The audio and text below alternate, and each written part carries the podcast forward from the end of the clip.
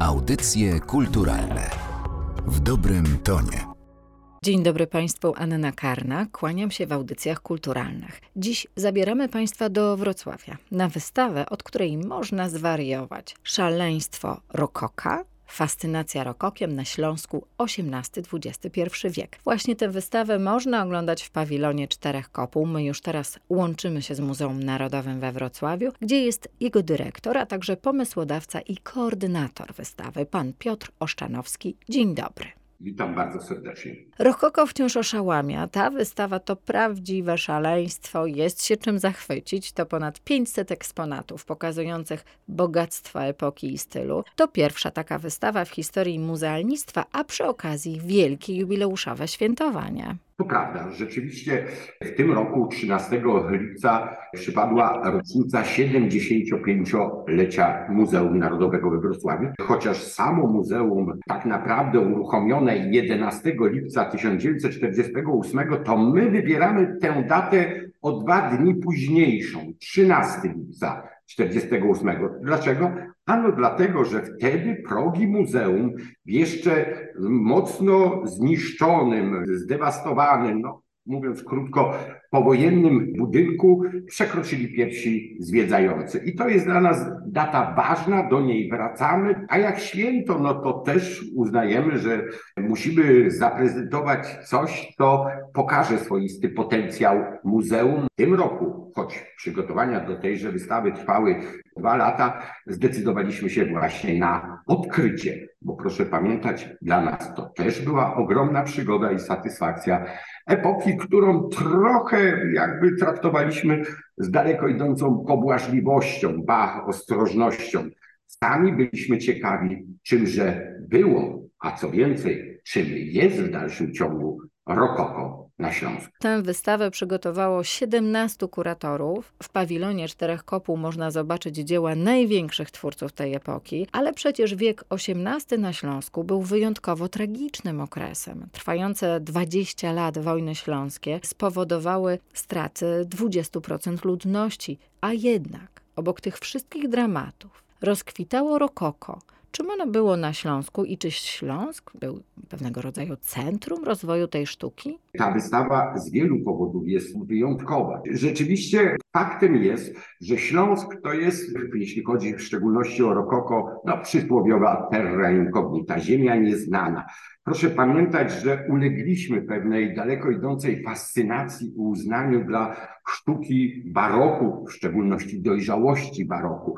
Wydawało nam się, że zwłaszcza twórczość chociażby takiego Michaela Leopolda Wilmana, Tytana, malarstwa barokowego na Śląsku, czy wśród rzeźbiarzy Johanna Georga Urbańskiego całości tę epokę. I tu nagle się okazuje, że gdzieś zaczynają się pojawiać dzieła zupełnie odmienne. Ma Pani w pełni rację. To rzeczywiście bolesna bardzo trudna, skomplikowana historia Śląska już w XVIII wieku sprawiła, że ten nowy styl uzyskał coś, co zapewne ułatwiło mu tutaj na swój sposób rozwój, czy też pojawienie się, swoistą sankcję y, polityczną. Otóż y, od 1740 roku rozpoczyna się trwający no, do 1763 i właśnie wspomniane przez Panią trzy wojny śląskie, proces przechodzenia tego zasobnego, majętnego, urodzajnego fragmentu Europy spod panowania ta dynastia przeszło 200 lat,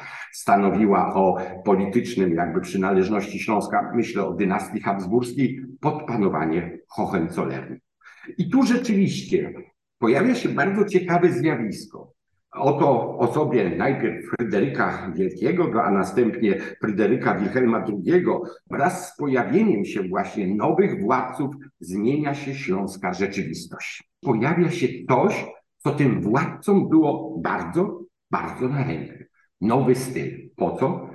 Oni go lansują. Po co oni się przy nim upierają? Z bardzo prostej przyczyny. Chcą się różnić od dotychczasowych władców. Im jest wręcz na rękę, że wprowadzają coś nowego, co jest z nimi identyfikowane. I tu się zaczyna bardzo ciekawa sprawa, mianowicie ci mieszkańcy ówczesnego Śląska chcą się odnaleźć w tej nowej rzeczywistości. Trzeba było rzeczywiście bardzo uważnie podglądać czym bawi się król, nowy władca, co mu się podoba, jakie ma poglądy estetyczne. Szybko, konsekwentnie, chcąc wyrazić też pewien rodzaj lojalności wobec nowego władcy, zaczęto po prostu go naśladować. I to sprawiło, że ta kariera Rokoka, która początkowo była rzeczywiście czymś trudnym do przewidzenia, bo samo Rokoko, proszę pamiętać, jest stylem budzącym tyleż emocji i wątpliwości, co też dzisiaj naszego uznania. Te rokoko, które najpierw pojawiło się w rezydencji królewskiej we Wrocławiu, czy dzisiejszej ulicy Kazimierza Wielkiego, i to były importy artystyczne, które Fryderyk II świadomie zwiózł, przywiózł, czy to w osobach artystów, którzy tutaj pracowali, czy gotowych dzieł, i stało się to taką enklawą rokokową. Co się dalej wydarzyło? No oczywiście, że przyjeżdżali z odległych zakątków Śląska do tej rezydencji, oglądali, podziwiali, a wracając oczywiście podejmowali decyzję tak, to im się już zaczyna podobać. I tak się rozpoczęła historia rokoka na Śląsku. Pamiętajmy, że to była także epoka hedonizmu. Rokoko olśniewa bogactwem i fantazją wykonania. W jakiej dziedzinie sztuki widać to najbardziej? Rokoko w pewnym momencie, ono było traktowane z pewną dozą pobłażliwości, nieufności. Wręcz podejrzewano, że jest to pewien no, przejaw jakby agonii sztuki baroko, a jak agonii to i upadku i czegoś, co jest tak naprawdę mało wartościowe. Z czasem oczywiście ta postawa się zmieniła. Rokoko zaczęło sobie rościć prawo, i to z dużym powodzeniem, do tego, aby stawać się pewną stylistyką na swój sposób uniwersalną, bo przecież i w architekturze, i w rzeźbie, i w malarstwie, ale przede wszystkim w rzemiośle artystycznym. To tam jakby dało swoisty upust tego, co sprawiało człowiekowi wówczas największą radość i satysfakcję. Bogactwo, fantazja, nieograniczona niczym wyobraźnia.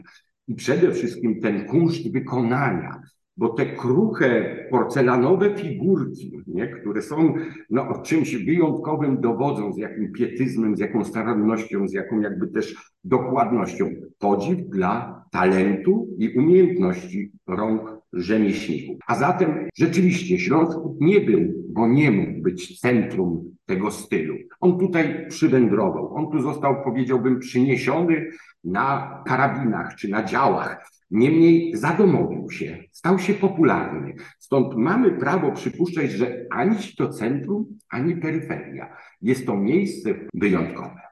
Powiedzmy, jakie dzieła możemy zobaczyć na tej wystawie. Oczywiście nie możemy powiedzieć o wszystkich, bo jest ich ponad 500, ale chociaż o kilku. Od razu przychodzi mi do głowy pewna przepiękna wrocławska szafa. Tych szaf wbrew pozorom nie zachowało się znowu tak dużo. To były tak zwane dzieła mistrzowskie. One powstawały w wyniku no, bardzo intensywnej pracy, trwającej miesiącami, o ile nawet nie latami. Wyróżnia się ta szafa z wielu powodów, przede wszystkim swoją jakby bogactwem dekoracji, zastosowanych gatunków y, różnego typu drewna, ale też i ebenistyką, wstawkami, aplikacjami z kości słoniowej. Ta wrocławska wyróżnia się bardzo charakterystycznymi ściętymi narożami, gdzie ustawiane były czy montowywane były takie quasi pilastry. To tworzyło ten wyrób rzeczywiście wyjątkowym i niespotykanym, co ciekawe, rozpoznawalnym w Europie. Te szafy stały się no, znakomitym produktem eksportowym. Rzeczywiście no, największe kolekcje światowe dzisiaj e, muzealne chlubią się posiadaniem takich szaf, stąd i nas ogromnie cieszy, że mamy okazję pokazać jedną z nich, która rzeczywiście no, swoim kunsztem wykonania, starannością, precyzją, pewnym bogactwem jest wizytówką tej epoki, a przede wszystkim umiejętności i talentu rzemieślników. A rzeczywiście tym czasie stolarstwo na Śląsku stało się bardzo popularne. To prawda, rzeczywiście obserwujemy i to w przeciągu kilkudziesięciu lat niezwykły rozwój tego cechu.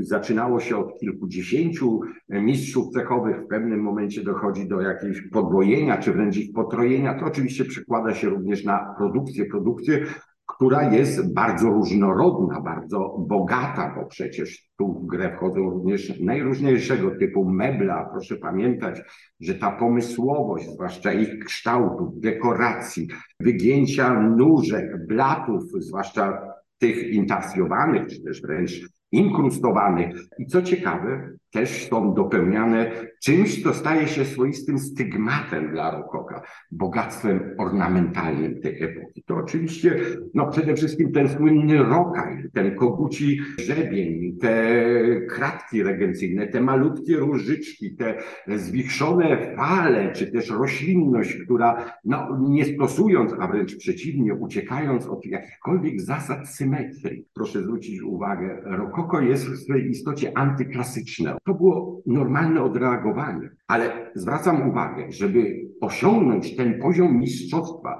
gdyby oni żyli te kilkadziesiąt lat wcześniej, byliby najwyższymi, jeśli chodzi o klasę i umiejętności artystami doby baroku. To ich zmęczyło. To sprawiło, że zaczęli poszukiwać, bo przecież synonimem rokoka jest właśnie wspomniana nieograniczona pomysłowość, kreatywność, fantazja.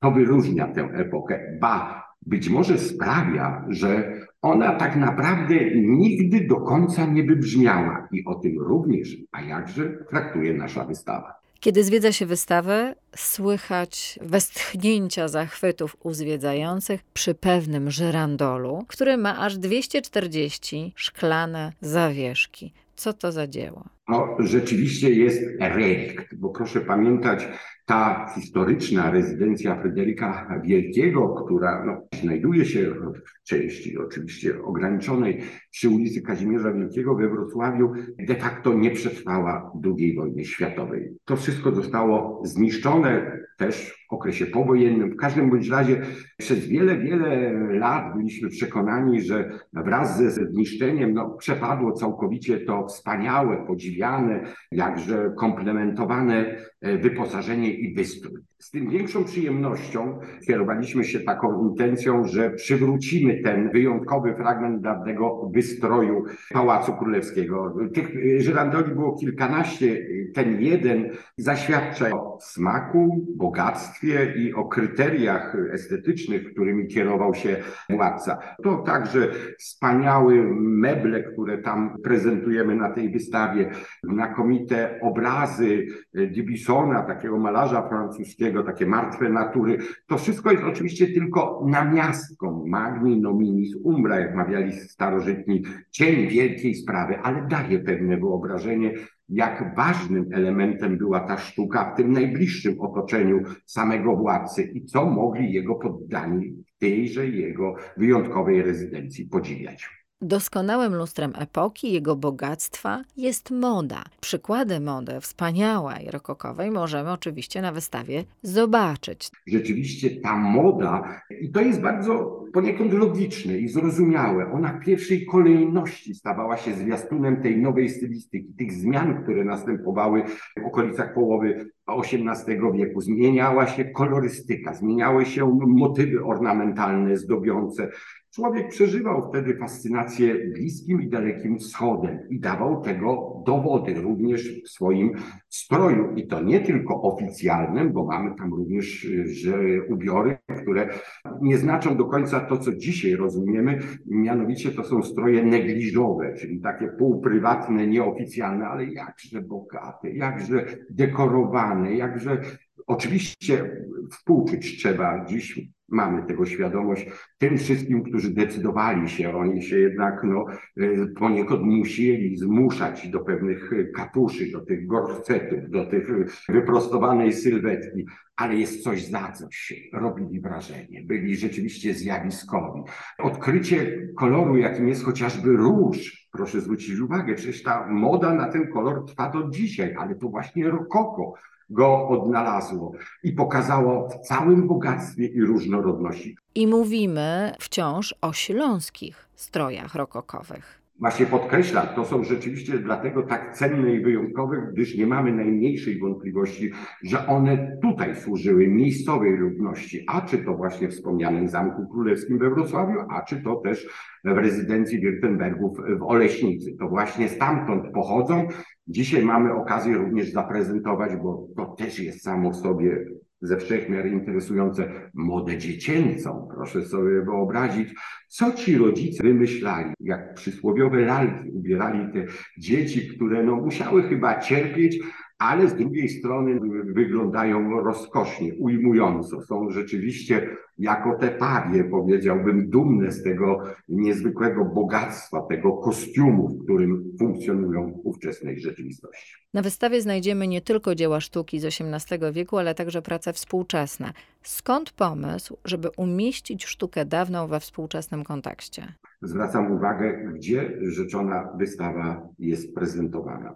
Muzeum Sztuki Współczesnej. Pawilon Czterech Kopuł to ponadczasowe dzieło Hansa Pelziga, od początku przeznaczone do celów muzealnych, na co dzień oczywiście wypełnione jest dziełami sztuki z wieku XX, z drugiej połowy i z naszego stulecia.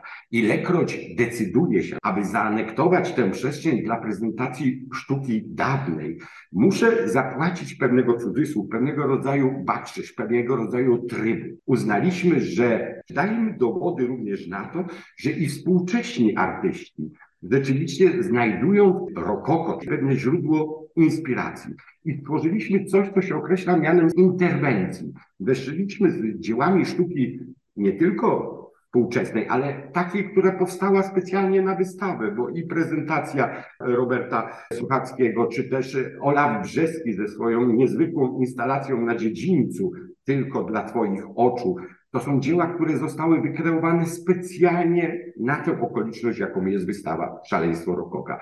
Mamy oto przykłady y, chociażby reagowania na klasyczne dzieła rokokowe, słynna huśtawka, która została zinterpretowana przez współczesną artystkę. Mamy oczywiście Alinę Szapocznikow.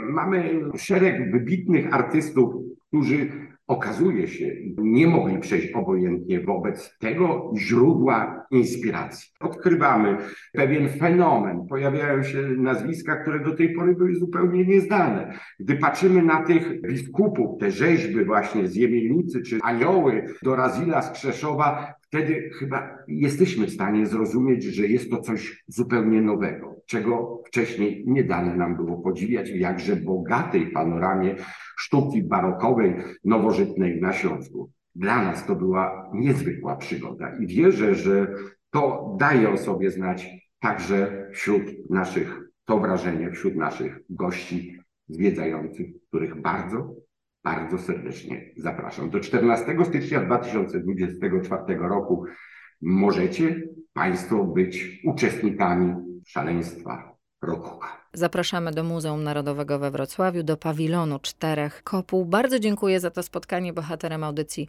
kulturalnych był dyrektor Muzeum Narodowego we Wrocławiu, pan Piotr Oszczanowski. Również dziękuję bardzo uprzejmie. Audycje kulturalne w dobrym tonie.